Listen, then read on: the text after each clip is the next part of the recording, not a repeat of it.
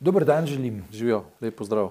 Um, kolega Markeš, začneva pri mednarodnih novicah in sicer pri tem, da je nevladna organizacija Transparency International naredila nov seznam uh, percepcije korupcije po državah.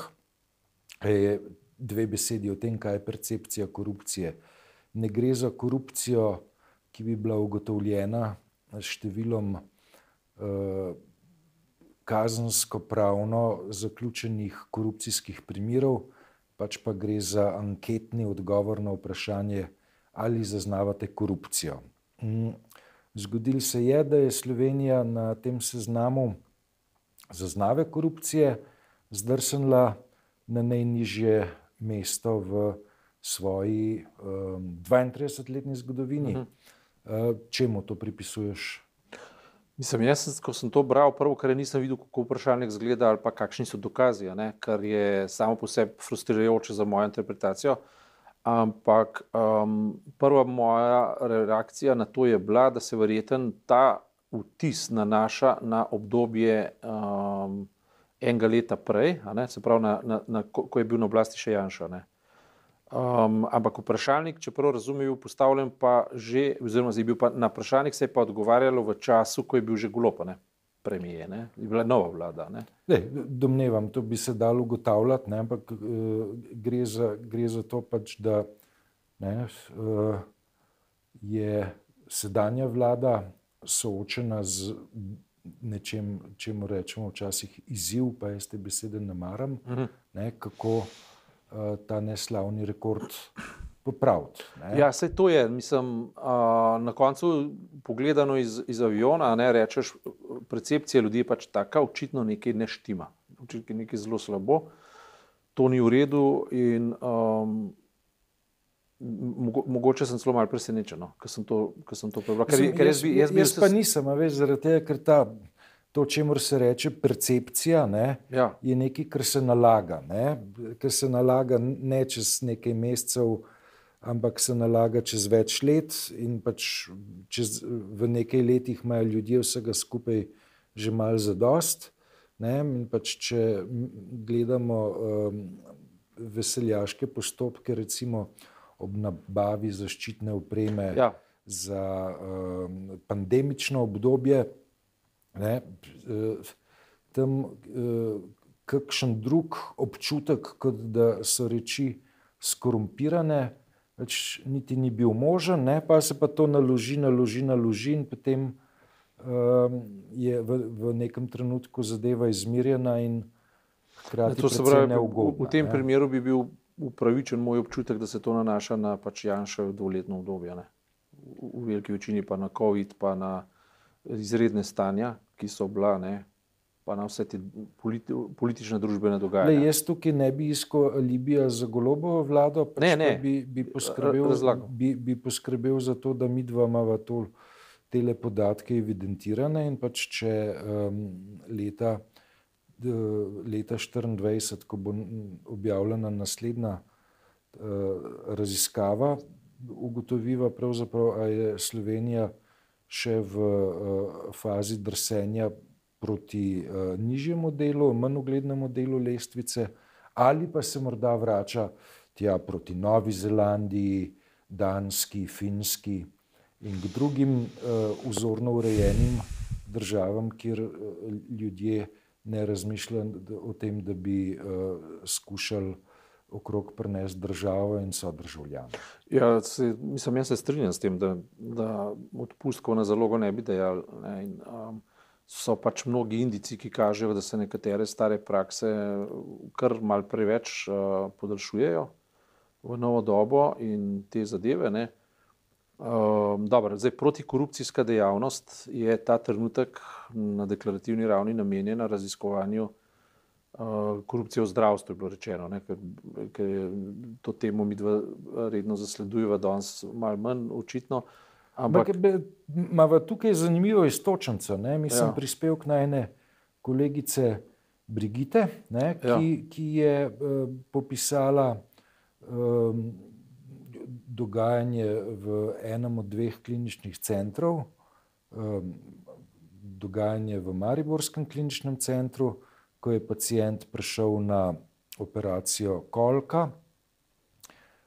Operacija je odpadla, hkrati pa je bil seznanjen z računom, ki je šel na Zavod za zdravstveno zavarovanje, iz katerega je razvidno, da je bolnišnica zelo širokopotezno obračunala storitve, ki pravzaprav niso bile opravljene. Ne, in pač to, nam nekaj že pove tudi o odnosu do zdravstvene zavarovalnice kot nekakšne molzne krave, iz katere se proba čim več zvleči, ne glede na to, a to za to obstaja opravičilo v opravljenih storitvah ali ne.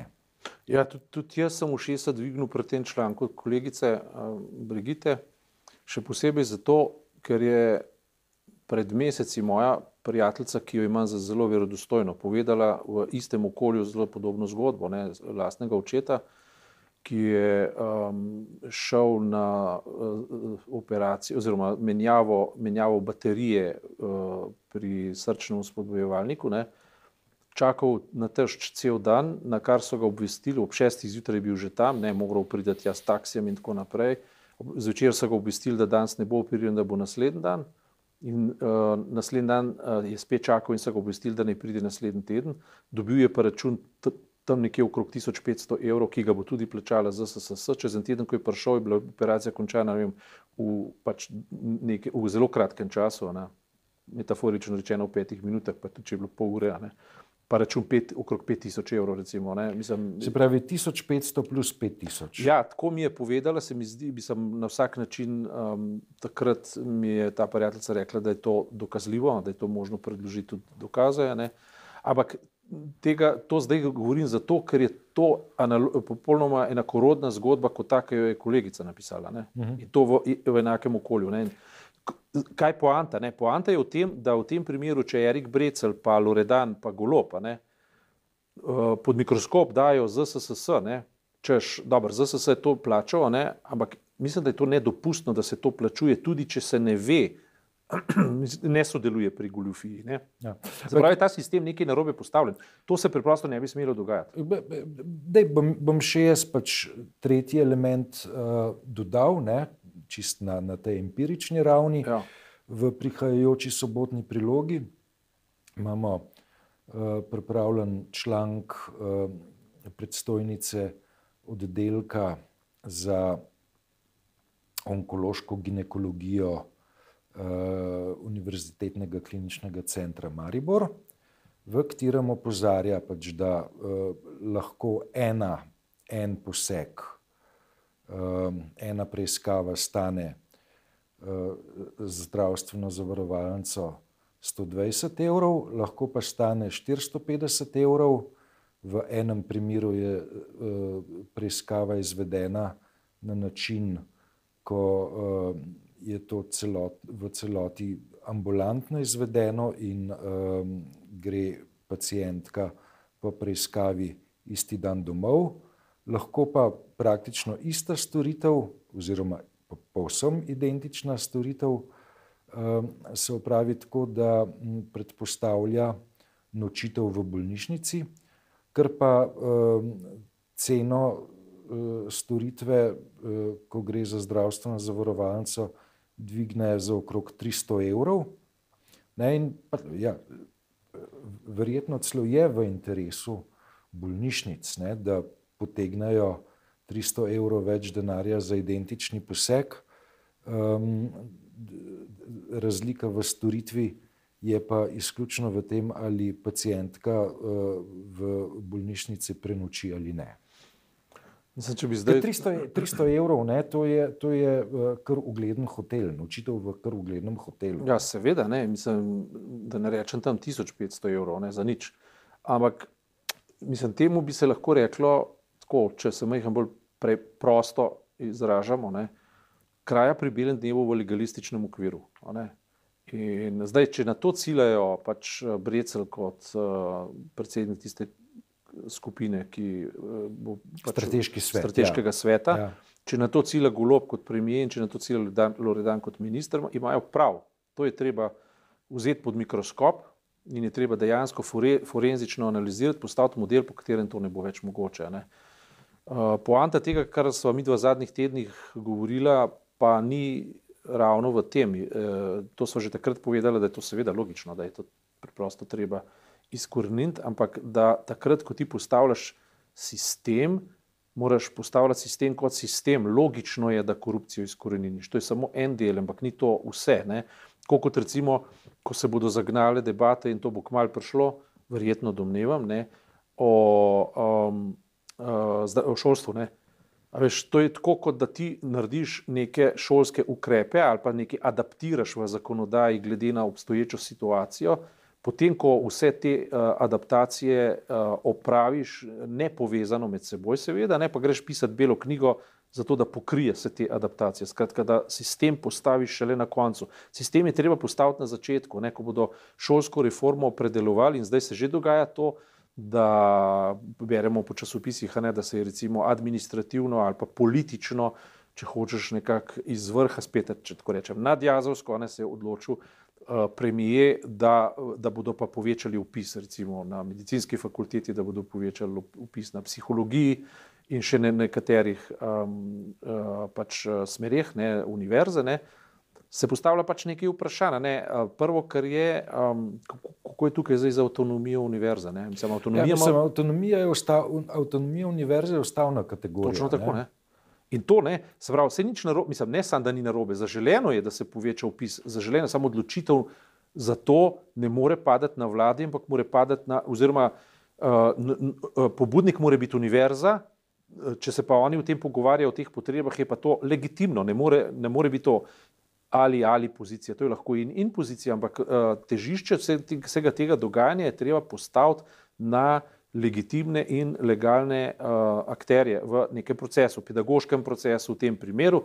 Uh, in to mene, moram reči, zdaj, če so že začela pri korupciji, ne, skrbi, da na koncu naša politična realnost, kot smo ji zdaj priča, nekoliko preveč in prezgodaj drsi v logiko večinskega sistema, ki proizvaja avtokratske prakse.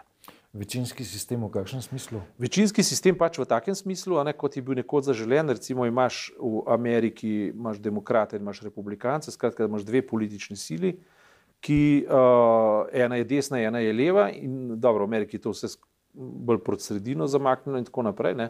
Um, ali pa mogoče, dobro, v Nemčiji to majhe boljše, uh, ampak zdaj. Um, ta, ta, ta teden sem mislil uh, nekaj napisati, recimo o, o, o, o Francetu Bučarju, sem pač kot uh, stota obletnica njegovega rojstva in tako naprej. Ampak, ampak v smislu političnega. Jutri praznujemo drugi, drugi. Tako ne. Ja, 1923. Uh, jaz se spominjam tistega časa, kako je on javno svaril pred upeljavo večinskega volilnega sistema, ki ga je forsiral takrat Peter Jambrek. On pa iz preprostega razloga politične filozofije, ker je preprosto rekel, Slovenija je premajhna in ima preveč uh, zahtevno kulturno ozadje, ki bi v primeru pač vzpostavitve veči, dvopolnega večinskega sistema generirala spet narodne deli, nacionalne delitve. Ne? In je imel še kako prav. Ne? In potem se je zgodilo to, ne, da je v procesu političnega, pač političnega uh, nastajanja, če tako rečemo, ne, uh, Janša posrkal celotno desnico ne, v, im po, v, imenu proti komunizma in postal izredno močna politična sila, dobil zadnja, dve leti zadnjega mandata, ki je bil relativno zelo brutalen. In potem se je naenkrat zgodil protirefleks, da je praktično vsa pahlača strank na, uh, rezultirala v meteorskem usponu Roberta Goloba in Svobode, stranke so se celo ukinjale, so bile zažgane na oltarju demokracije, in zdaj imamo spet en velik blok, ki pa je v nevarnosti, da ni, eh, ne samo da ni nadzorovan do prave mere, ampak da ni, um, da ni, da ni balansa, ne, recimo na rečemo, levo od sredine, ne, v, v tem levo-liberalnem bloku. Ne, stranke se podrejo, to, kar gledamo zdaj, mislim, levica je samo še karikatura same sebe, tako kot jaz to vidim. Ne. Uh, šarca, šar, šarec in njegova stranka L, LMŠ je, je je enostavno um, absorbirana. Absorbirana isto Alenke Bratušek. Zdaj si zamislim, recimo, da bi tukaj nastale neke, neke debate, neka trenja, recimo pri vzpostavitvi uh, zdravni, uh, zdravstvenega sistema, ne? kjer v bistvu premijeja zanaša pač v neko koketiranje za zdravniško zbornico, vsaj tako je videti, v, določeni meri, ne pa bi se zdaj postavil, recimo Marjan Šarec, pa bi rekel, mi pa radikalno zagovarjamo vzpostavitev javnega zdravstva na temeljih, kot jih predvideva uh, solidarnost, socialni princip in ne upoštevamo samo enega interesa, ki je zdravniški interes. Mislim, če se boš se bo spomnil, zakaj je Šarčeva koalicija propadla. Točno zato. Ne, Šarčeva koalicija je propadla na točki, ko se je glasoval o, o, ukinitvi o, dodatnega ali dopolnilnega zdravstvenega zavarovanja. E. Tam je pač nekaj zelo malo glasov zmanjkalo. In zdaj bi se lahko kot Feniks na tem dvignil, se pa nima iz česa, ne? ker je pač svojo stranko predal ne? v upravljanje večji stranki, ne?